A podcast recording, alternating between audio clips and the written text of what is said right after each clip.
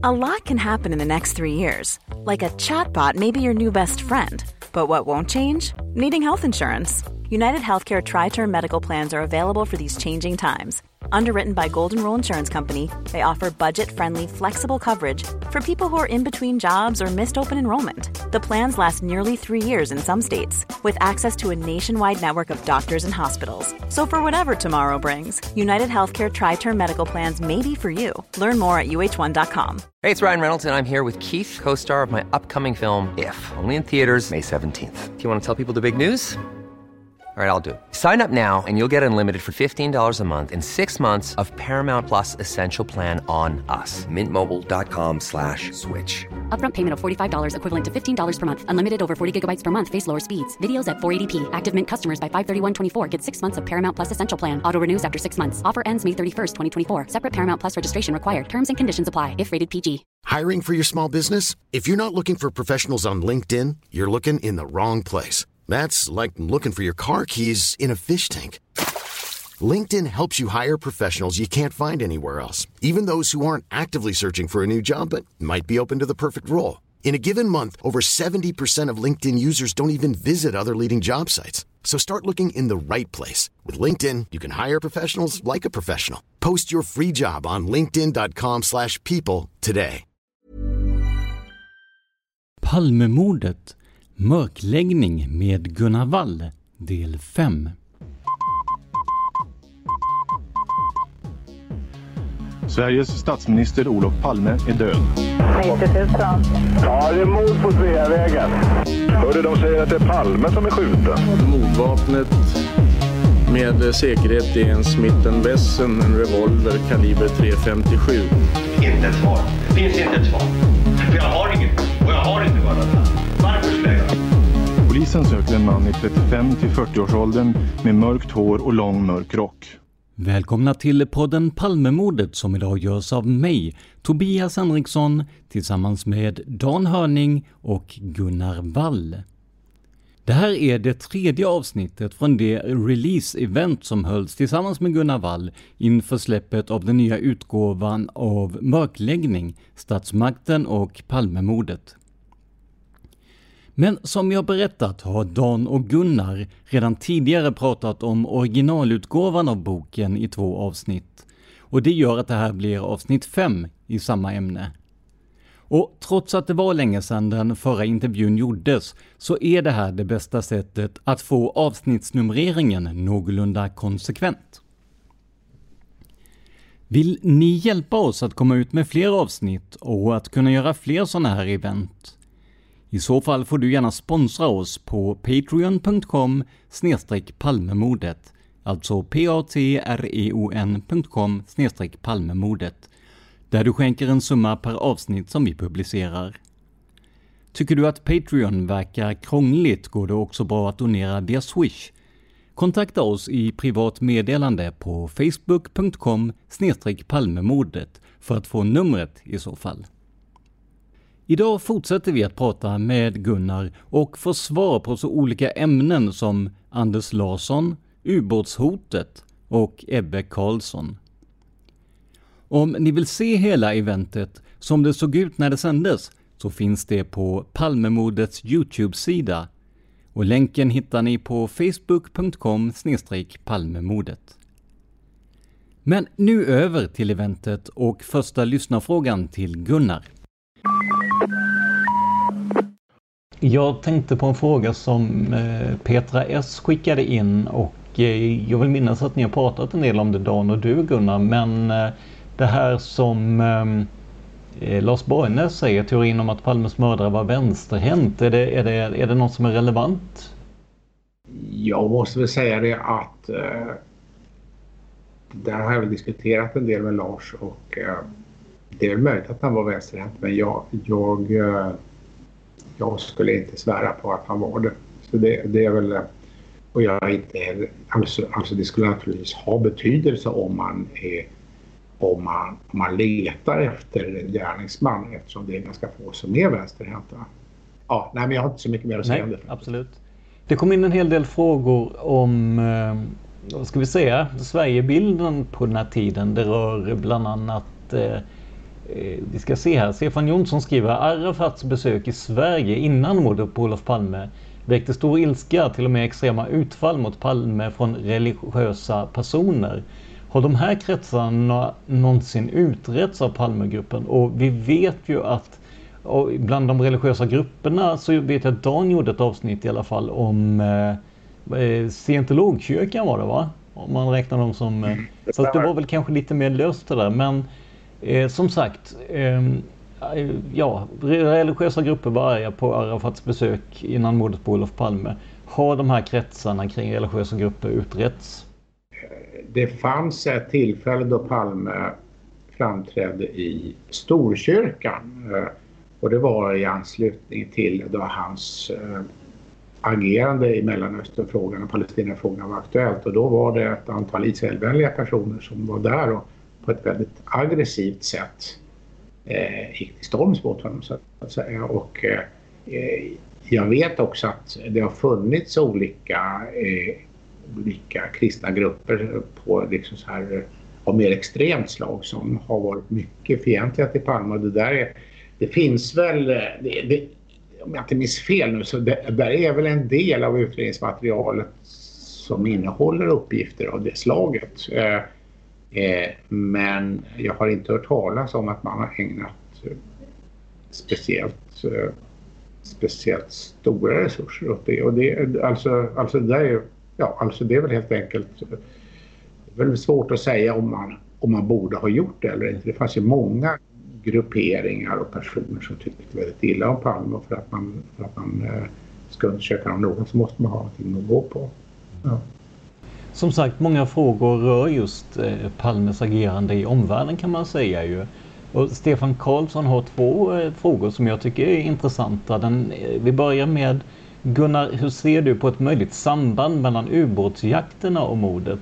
Om man tänker sig ubåtarna i Hårsfjärden som en möjlig operation med västubåtar som spelade sovjetiska och att detta skulle diskreditera Palmes idéer om nedrustning och han skulle beskyllas som gjordes. Kan detta ha tänkt få svenska folket att rösta bort Palme 85? Och när det inte skedde så tog man då till andra metoder?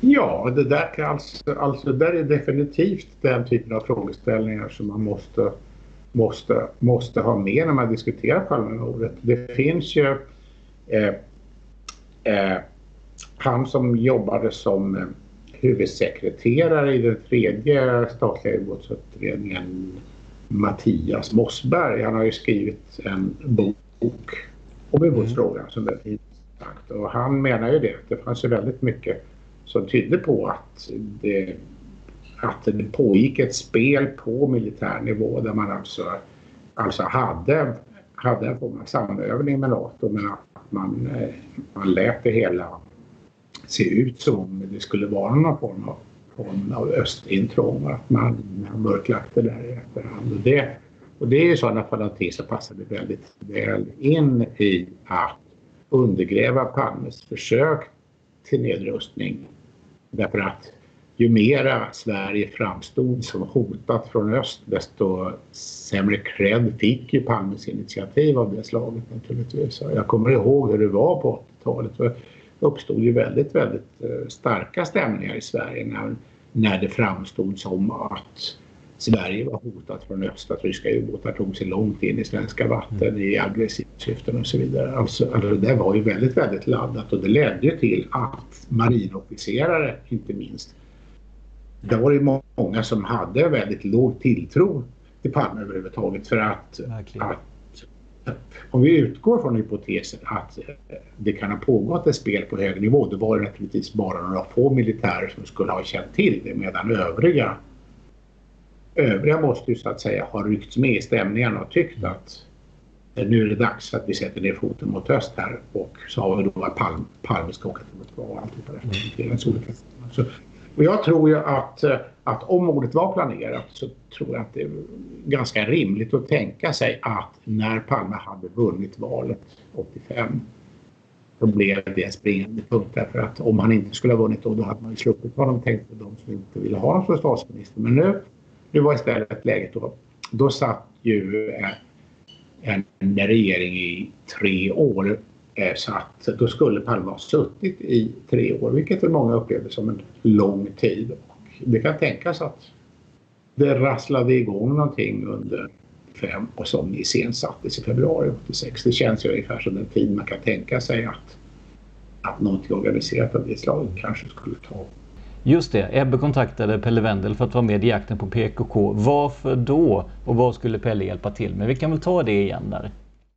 Ja, jag tror att ett av syftena från Ebbe Carlsson var att påverka, påverka Wendel som ju var en framstående Expressen-journalist så att Ebbe skulle kunna, kunna plantera sina resultat i Expressen när den tiden var mogen.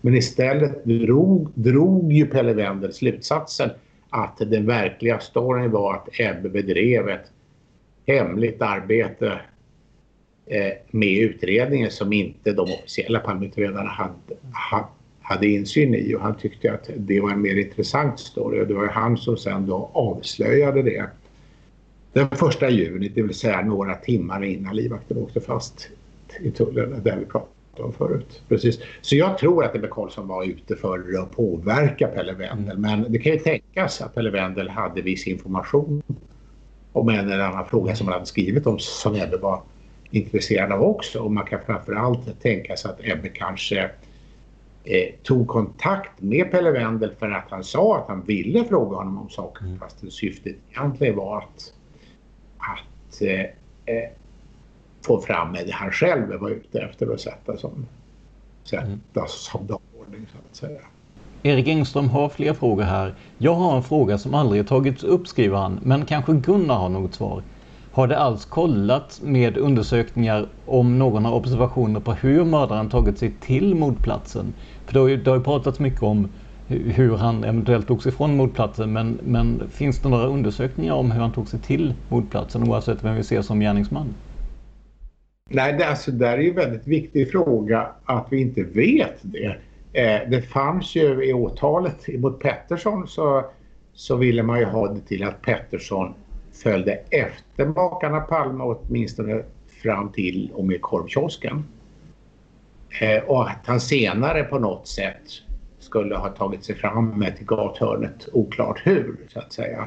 Men eh, så har vi, ju, har vi ju då ett vittne Inge M som ju eh, ganska bestämt hävdar att gärningsmannen stod på plats så länge så att Inge han, han observerar och drar slutsatsen att han stod och väntade på någon. Så att sen tror jag att det var minuter det handlade om.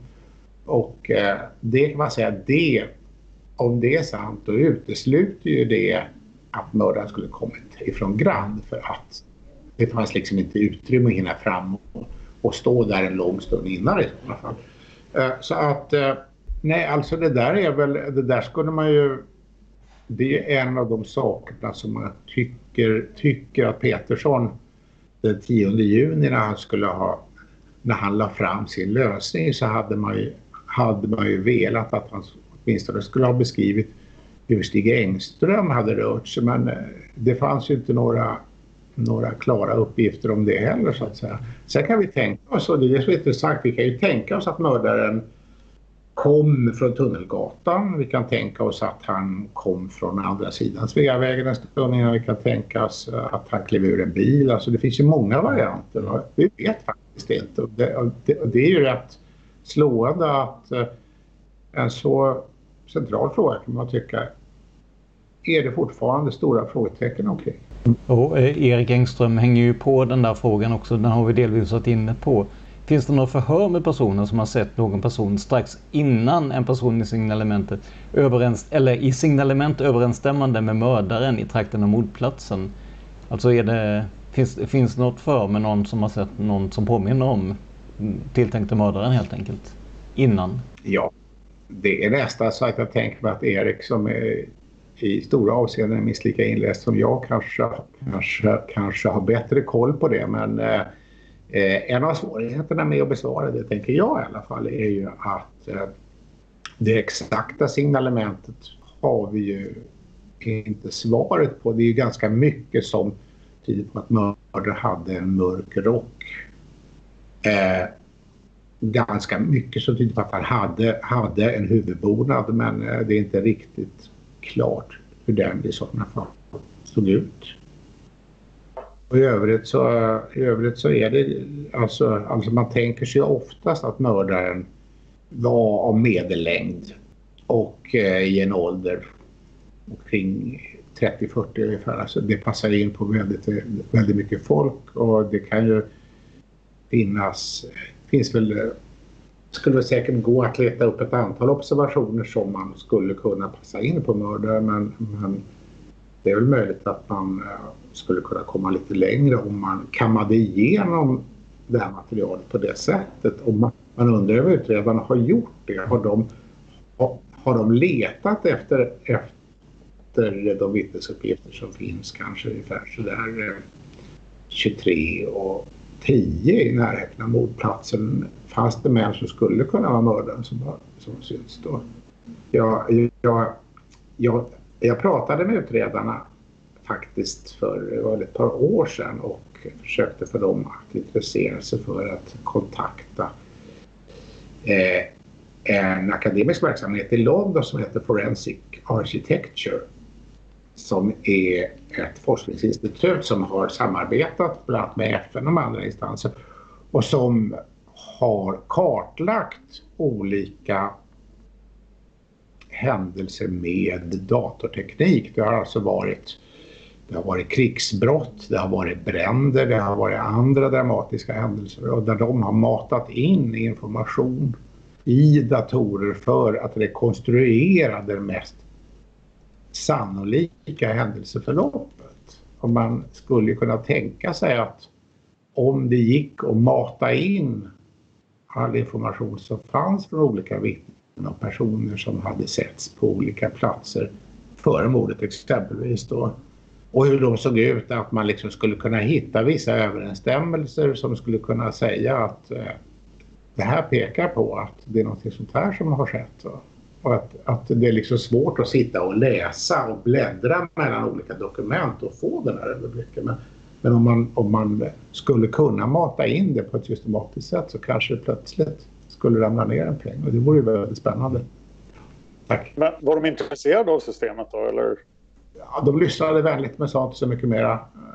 De fick uppgifterna om, eh, om vart man skulle höra av sig i sådana fall. För, för att, för att eh, för jag tänkte att det här var ju i sådana fall i sådana fall de som skulle göra den här saken. Jag kunde inte riktigt göra det för det skulle kräva att de så att säga släppte ifrån sig utredningsmaterialet. Men det är väl det eh, och inledde ett samarbete med institutet. Men, men eh, det är väl möjligt att något sånt skulle kunna, kunna bli aktuellt att diskutera nu när mer och mer av utredningsmaterialet har kommit ut. Så, men det, ja, det är i alla fall en spännande infallsvinkel tänker jag. Men alltså man kan gå in och leta på nätet och det tycker jag gott man kan göra om man är intresserad av den här typen av frågor. Om man tittar på Forensic Architecture så har de alltså typfall där de har gjort utredningar av olika saker. Väldigt spännande att titta på.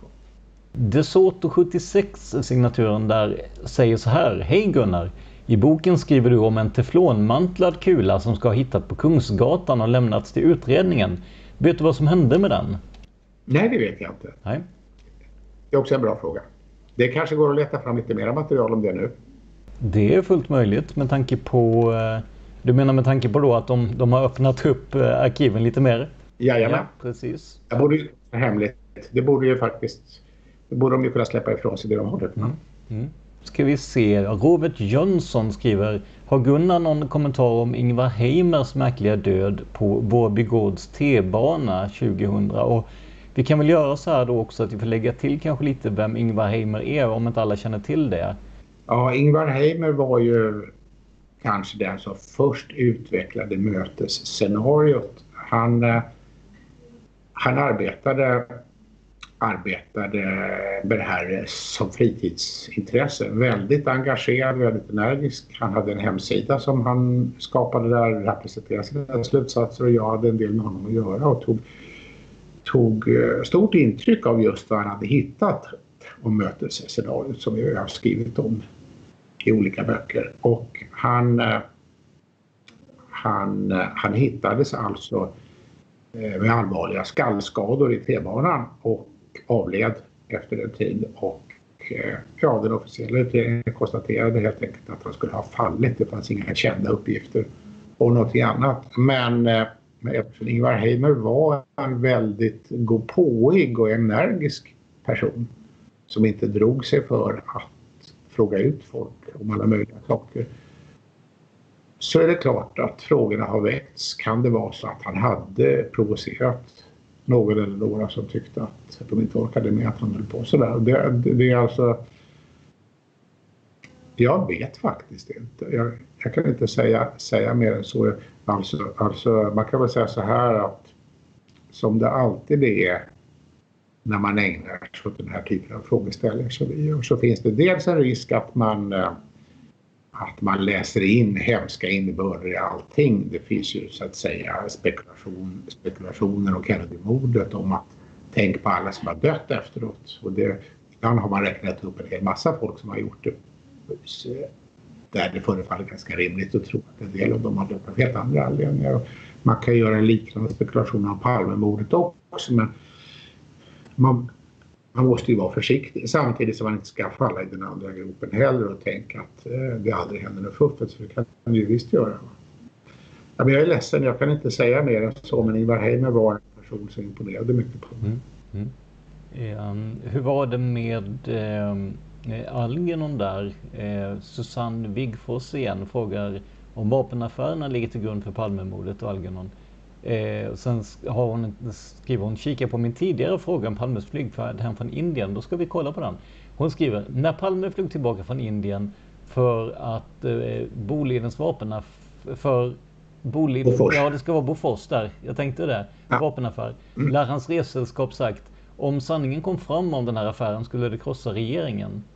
Vem, Gunnar, frågar hon. Och sen hänger då på frågan om det här ligger till grund för Palmemordet. Eh, ja, vad, vad, vad, kan du säga om Bofors och, och Algernon där? Ja, när man kan säga så här att för Palme så var det säkerligen väldigt viktigt att visa det svenska näringslivet att han var en statsminister som kunde, kunde klara av att stötta den svenska exporten. Och Bofors Indienorder var alltså den största svenska exportordern någonsin, så jag minns rätt. Och eh, där hade Palme personligen engagerat sig, utnyttjat sina kontakter med Rajiv Gandhi för att få den här ordern att gå till Sverige. Det fanns ju andra vapenexportörer som var intresserade av att sälja.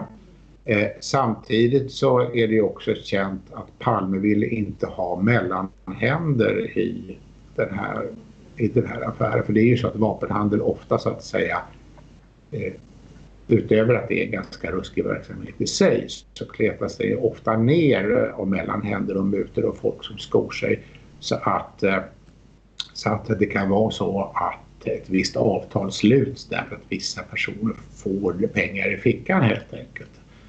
Och då kan man ju, alltså en fråga som har rests det är kan det vara så att Palme sen han hade fått höra rykten om att det skulle vara mellanhänder i Boforsaffären. Vilket ju visade sig att det var så. Det finns en lång historia om Indierorder med massor med sjaskigheter. Det har skrivit åtskilligt om det.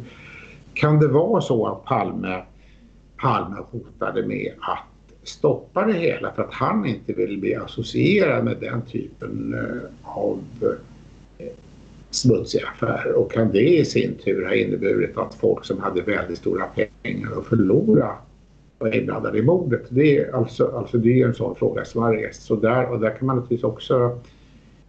Det var ju inte den enda känsliga svenska vapenexporten vid den här tiden. Det fanns ju massor med, massor med skandalösa inslag i svensk vapenexport. Och eh, därför har ju frågorna rests om Algernon så att säga, om han blev knuffad framför, framför tåget för han visste om saker som han kanske skulle ha berättat om eventuellt för att han själv riskerade att hamna så mycket inklämd så att, att han inte skulle få ta skulder för allting så kanske han skulle ha gått ut någonting. Och det, där, det fanns ju alltså i hans portfölj fanns det ju anteckningar om sådana här affärer och om Palme också. Det har ju, har ju spekulerats väldigt mycket och det, det kan ju alltså, alltså där är ju sådana stora saker som där är det ju lätt att tänka sig att att eh, att det kan smusslas undan en hel del information om sådana stora, stora saker som spel. Men, men alltså där finns det, det är, det är fortfarande ett område som tål att utreda innan vi vet sanningen. Men känner du till det här uttalandet som skulle ha gjorts eh, om att det kan fälla regeringen om det kom fram? Och vet du i så fall vem som var resesällskapet eller vem som skulle ha sagt det? Alltså det, nu, är, nu funkar min hjärna så här att när jag sitter rakt upp och ner och ska försöka komma ihåg saker så är det väldigt stor risk att det blir fel. Jag tänker på alltså ett namn som kommer upp i sammanhanget som spelar en väldigt viktig roll i de här vapenaffärerna då, det, det var Martin Ardbo. Mm. Eh, eh, som ju hade en central roll i Bofors. Att man kan ju googla på Martin Ardbo och se om han fyller i någonting av det här vi har diskuterat här. Det, jag ska inte försöka vara mer exakt än vad jag kan så att jag tror jag stannar där. Du får medhåll från Stefan Karlsson. Han säger var det inte Martin Ardbo? Det, det, det namnet ligger ju, ligger ju bra till här i alla fall.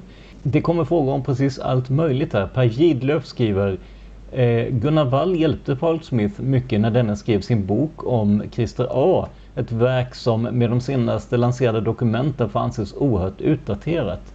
Vad vet Gunnar Wall om Christer A som vi inte redan vet? Vad tror han om denne man som möjlig gärningsman? Och varför har han inte intresserat sig för denna person överhuvudtaget? Ja, det jag hjälpte Paul Smith med så jag minns var bäst att, att att jag gav honom namnet på Christer A för han hade inte efternamnet. Men, men, men annars, så är, annars är det riktigt att vi utbytte en del synpunkter för ett antal år sedan han och jag. Och, eh, eh jag tycker väl att eh, om, man ska, om man ska diskutera ensamma gärningsmän som typ och personlighet mm. så tycker jag att det finns väl mycket med Christer A som känns som att en sån person skulle kunna mörda en statsminister. Eh, det är också de här omständigheterna med hans vapen som försvann på ett så besynnerligt sätt. Där känner folk som har läst in sig på honom. Så att, eh, men samtidigt finns det ju ingenting som knyter honom till eh, Sveavägen. Så att, att, att, alltså för mig är det lite grann så här det är ju så att under, under årets lopp så har jag varit i kontakt med väldigt mycket folk som har haft egna tankegångar om vem som kan vara mördaren. Och eh, de har ofta dragit fram eh, nog så dramatiska omständigheter om olika individer som ja, så här aggressiva, vapenkunniga och så vidare, Palmefientliga och sådär så att man ser framför sig att en sån här person skulle kunna ha gjort det. Va? Det är bara det att jag känner att eh, det återstår ju fortfarande en bit emellan att en viss person kunde ha gjort och att det faktiskt hade gjort och alla de personerna som är tänkbara Palmemördare kan ju inte ha gjort det. Och jag tycker väl fortfarande så, Christer A, jag tycker att det är viktigt att, eh, att det har utretts eh, de saker som finns utredda om honom. Jag, tyck, jag tycker att det är bra att det har kommit fram jag har inte jobbat särskilt mycket med det. Det betyder inte att jag tycker att det är fel att andra har gjort. Mm. Millions of people have lost weight with personalized plans from Noom. Like Evan, who can't stand salads and still lost 50 pounds. Salads generally for most people are the easy button, right? For me, that wasn't an option. I never really was a salad guy. That's just not who I am. But Noom worked for me. Get your personalized plan today at noom.com. Real noom user compensated to provide their story. In four weeks, the typical noom user can expect to lose one to two pounds per week. Individual results may vary. Life is full of what ifs, some awesome, like what if AI could fold your laundry? And some, well, less awesome, like what if you have unexpected medical costs? United Healthcare can help get you covered with Health Protector Guard fixed indemnity insurance plans they supplement your primary plan to help you manage out of pocket costs. No deductibles, no enrollment periods, and especially no more what ifs. Visit uh1.com to find the Health Protector Guard plan for you. Hey, it's Ryan Reynolds, and I'm here with Keith, co star of my upcoming film, If, only in theaters, May 17th. Do you want to tell people the big news?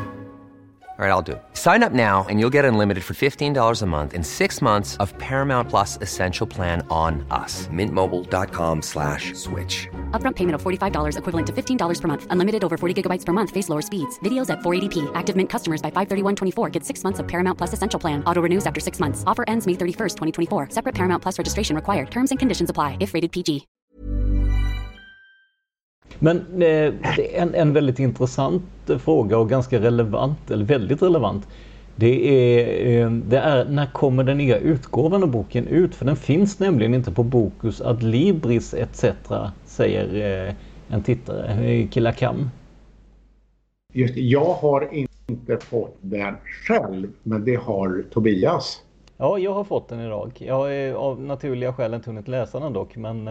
Ja, nej men det, det är som det ofta som det ofta kan bli så har det blivit lite förseningar i, i de sista leden men den är levererad från tryckeriet. Den är på väg ut. Den kommer att finnas på Adlibris och Bokus. Den kommer att finnas i bokhandlar som har beställt den. Om man vill stödja sina lokala bokhandlar och de inte har den så kan man ju be dem att beställa den. Vilket ju lätt för dem så fort den är inlagd i systemet. Vilket den bör vara nu i princip.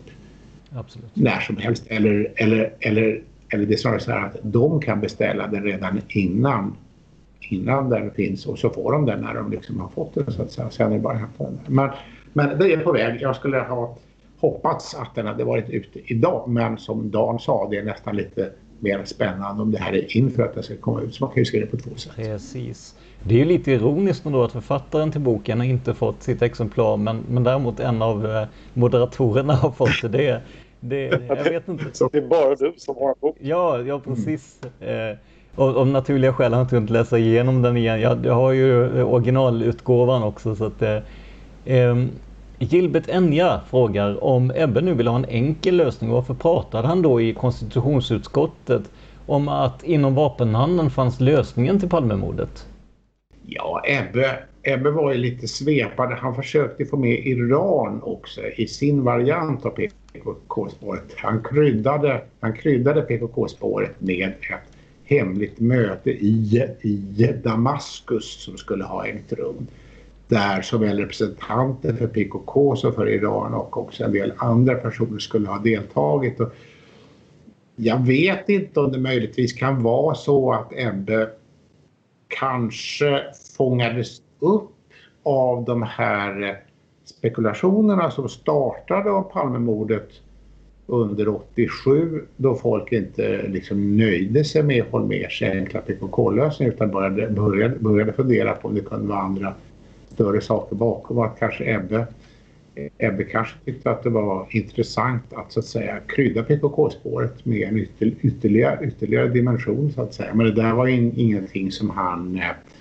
liksom egentligen gjorde särskilt mycket med utan, utan eh, det Ebbe framförallt ägnade sig åt det, det var den här avlyssningsoperationen som vi aldrig hann med att verkställas. Absolut. Vi har fått en fråga från Ja, det är Erik Engström igen här ju. Vad bra. Eh, vi ska se. Hur långt har du försökt komma med Stay Behind? Och hur mycket motstånd har det inneburit? Och då följer Milos Larsson eh, upp med eh, Eriks fråga är bra. Har Wall pratat med någon ur Stay Behind? Och vad kallade rörelsen sig själv då? IB03, krigs-IB, eller sa man Stay Behind redan då?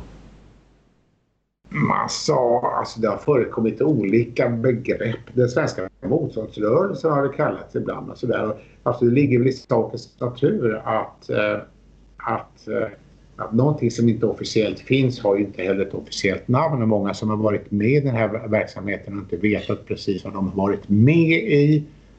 Jag har inte haft något, något egentligt samband men som själv har vidgått att den har varit på, på liksom en högre nivå i Stay Behind eller liknande.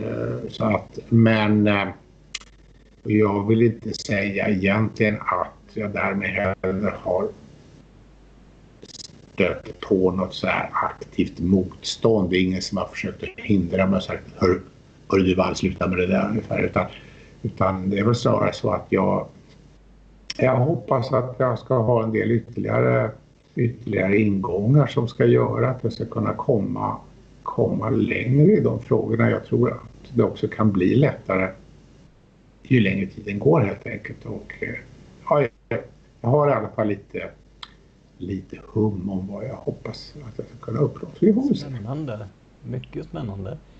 Eh, Marcus Ekström frågar, går det att leda i bevis att någon i Socialdemokratiska partiet eller kansliet hade vetskap om mordet i förväg eller efteråt och därav att en mörkläggning av mordet bedömdes nödvändig? Nu är det frågan om, om en, en mörkläggning bara skulle vara nödvändig för att Socialdemokratiska partiet eller kansliet kände till det, men, men eh, det är en annan fråga här. Men eh, vad säger du Gunnar?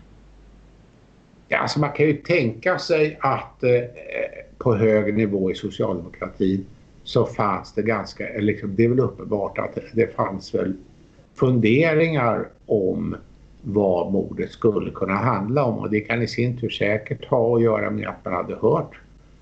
Alltså det hade ju säkerligen förekommit resonemang om hot emot Palme, spekulationer om vilken typ av hot han kunde utsättas för och så vidare. Bekymmer över eh, Eh, att Palme genom sitt sätt att vara exponerade sig för hat och angrepp på olika sätt.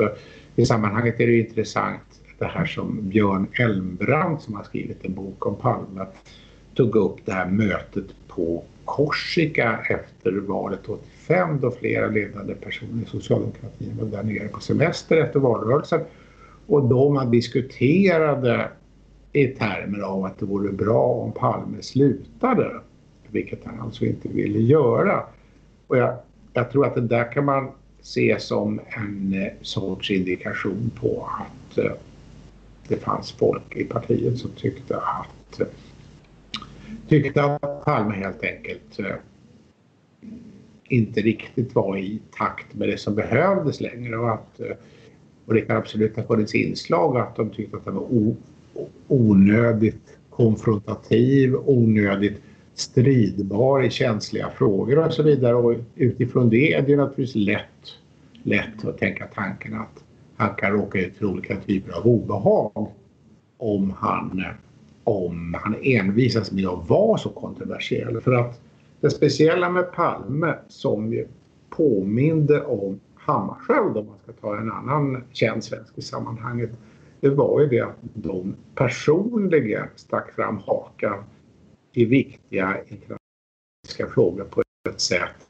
som gjorde att folk som inte tyckte om vad de höll på med hade en anledning att spekulera om att saker och ting skulle kunna bli annorlunda om de inte längre levde. Och jag menar ju att eh, alltså nu, nu har ju FN FN har ju försökt att utreda Hammarskjölds död många år efteråt och det har ju kommit fram en rad uppgifter som tyder på att det kunde varit en komplott för att Hammarskjöld helt enkelt hotade västmakternas intressen i Afrika vid den här tiden och att, eh, att, eh, att några helt enkelt bestämde sig för att nu var det dags att göra slut på honom. Man kan ju tänka sig något liknande scenario i Palmes fall. Det är ju alltid så att sådana politiker som utmärker sig och bryter av emot det, det, det de allra flesta andra politiker skulle göra. De löper ju alltid en risk att bli mördade. Och det, det, det tror jag säkert att eh, det fanns en, en oro i socialdemokratin för att de skulle hända. Och den oron kan ju vara kombinerad med att oj, oj, oj, om sånt händer, hur ska vi hantera det? Det, det kanske blir komplicerat. Ungefär så. Det är väl en av de slutsatserna jag tycker man kan dra när man ser på den eh, samlade bilden av sambandet mellan kanslihuset. Mm. Att det har funnits ett samspel. Svårt att förklara på annat sätt än att man på hög politisk nivå har varit oroliga för, för att eh, det skulle vara känsligt. Mm. mm. Att verkligen leta efter alla saker man skulle kunna leta efter. Vi har en, eh, ska vi se, vi har en fråga som gäller Anders Larsson. Gunnar, hur ser du på Anders Larssons kryptiska varning den 20 februari och att utredarna inte intresserade sig för honom? Och hans koppling till VACL, alltså World Anti-Communist League, som även fanns med i mm. stödet till Contras etc. skriver Stefan Karlsson. Och Anders Larsson, visst var det han som kom upp med ett, ehm, ett brev till Palmeutredningen där det stod att eh, eh, Palme skjuten eller liknande. Och att det var en... Eh... Han lämnade sig in ett klipp till regeringen. Ett klipp som handlade om Palmes släkting. Ja, precis. Som, man, som också hette Olof. Ja, som hade dött i finska kriget eller något sånt. Palmedöden stod det i rubrikerna. Och då hade, hade alltså Anders Larsson lämnat in det före mordet. Och eh, det fanns ju andra uppgifter om Anders Larsson också som, som gick i linje med att han försökte att varna för någon sorts hot mot Palme. Så att jag uppfattade det som att Anders Larsson var en person som helt enkelt uppfattade som att i sådana kretsar som han hade insyn i och som han hade haft att göra med så fanns det en hotbild mot Palme som Anders Larsson inte ville vara en del av själv. Det, det är så jag uppfattat det. där är definitivt det finns ju en eh, känd diskussion om att eh, nej, nej, just det, det var en annan grej, grej jag på att komma in på. Så nu stryker vi. Ja, precis. Ja. Eh, Hans Bergstedt frågar vilken attityd Palmeutredningen haft till dig Gunnar under årens lopp. Du har ju ändå haft, haft kontakt med dem vid olika tillfällen. Ja, nej jag kan väl säga det att uh, jag tycker väl att det har väl uh, funkat ganska bra. Jag har ju intervjuat olika Palmeutredare. Eh, de, de har varit mer eller mer eller mindre benägna att prata med mig. Men alltså ofta så har jag ju fått, fått ordentliga intervjuer. Jag tycker att de har varit korrekta mot mig. Eh, det är mitt allmänna intryck. Det är ungefär det jag kan säga. Och med varierande attityder från olika utredare naturligtvis. Däremot så har Christer Petersson, eh, jag försökte få kontakt med honom under den tiden han fortfarande jobbade som åklagare. Men han var väldigt svår att få tag på. Mm, mm. Däremot intervjuade honom då efter hans nedläggningsbeslut. Har du, har du stött på att det har funnits en, en avvaktande attityd eller så mot eh, just journalister och författare? Jag menar, det, jag, jag, kan ju tänka mig, jag har hört vissa författare som mer eller mindre blivit avfärdade som eh, eh, privatspanare. Har det funnits en liten har du hört någonting om att det ska ha funnits en sån här liten föraktfull ton om, om man kommer med tips eller för den delen har frågor? Alltså det beror ju lite på. Alltså det har ju varit så här att eh, under många år var ju Christer Pettersson eh, det helt etablerade svaret på vem som var mördare. Och under den tiden så löpte ju alla som inte stämde in i det löpte ju risk att bli stämplade som privatspadare vilket automatiskt då var någonting negativt så att säga.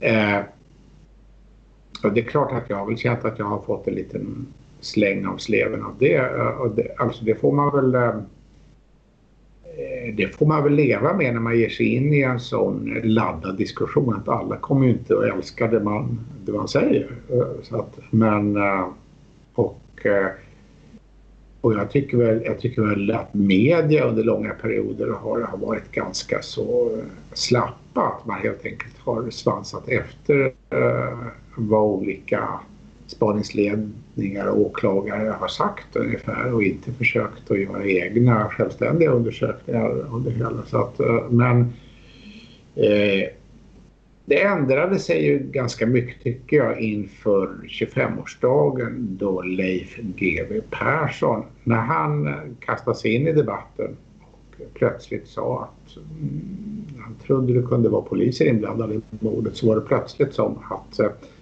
eh, klimatet ändrade sig drastiskt just för att det var han som sa det. Ja. det, var ju, det var ju för att, för, att, för att folk uppfattar honom som en sansad och saklig gubbe som om han säger någonting så ligger det säkert någonting i det. Så att eh, det blir lite enklare för andra som hade, hade avvikande uppfattningar efter ja. det. Skulle jag säga. Med det sagt lämnar vi Gunnar Wall och den här avsnittsserien. Vi har dock mer material, så om ni inte tröttnat på att höra oss och Gunnar Wall samtala, så kan vi släppa det vid ett senare tillfälle som ett slags bonusavsnitt. Kommentera gärna vad ni tycker om den idén på vår Facebook-sida. Glöm inte att du kan sponsra oss på patreon.com palmemodet för att vi ska kunna komma ut varje vecka och för att vi ska kunna ta oss an stora spår. Glöm inte heller att du kan se hela eventet på cirka tre timmar på Youtube. Länken finns som jag sa i början på vår Facebook-sida, facebook.com palmemodet. Där kan du också diskutera avsnitten med mig och Dan. Det här var veckans avsnitt av podden Palmemordet som idag gjordes av Tobias Henriksson, Dan Hörning och Gunnar Wall. Avsnittet producerades av PRS Media som ni kan hitta på facebook.com prsmedia.se. Stort tack för ert stöd under alla de avsnitt vi gjort hittills, men framförallt, stort tack för att du lyssnar på podden Palmemordet. Man hittar Palmes mördare om man följer PKK-spåret till botten. Därför att ända sedan Julius Caesars tid har jag aldrig hört talas om ett mord på en framstående politiker som inte haft politiska skäl. Polisens och åklagarens teori var att han ensam hade skjutit Olof Palme. Och det ledde också till rättegång. Men han frikändes i hovrätten. Nu ska vi ut på rövarstråt. Ja, vi ska ut och röva. Thank you. Imagine the softest sheets you've ever felt. Now imagine them getting even softer over time. That's what you'll feel with Bowl and Branch's organic cotton sheets. In a recent customer survey, 96% replied that Bowl and Branch sheets get softer with every wash. Start getting your best night's sleep in these sheets that get softer and softer for years to come. Try their sheets with a 30-night guarantee. Plus, get 15% off your first order at bowlandbranch.com. Code BUTTERY. Exclusions apply. See site for details. Planning for your next trip? Elevate your travel style with Quince. Quince has all the jet setting essentials you'll want for your next getaway, like European linen, premium luggage options, buttery soft Italian leather bags, and so much more. And is all priced at 50 to 80% less than similar brands. Plus, Quince only works with factories that use safe and ethical manufacturing practices. Pack your bags with high-quality essentials you'll be wearing for vacations to come with Quince. Go to quince.com/pack for free shipping and 365-day returns. Planning for your next trip? Elevate your travel style with Quince. Quince has all the jet setting essentials you'll want for your next getaway, like European linen, premium luggage options, buttery soft Italian leather bags, and so much more. And is all priced at 50 to 80% less than similar brands. Plus, Quince only works with factories that use safe and ethical manufacturing practices. Pack your bags with high-quality essentials you'll be wearing for vacations to come with Quince. Go to quince.com/pack for free shipping and 365-day returns.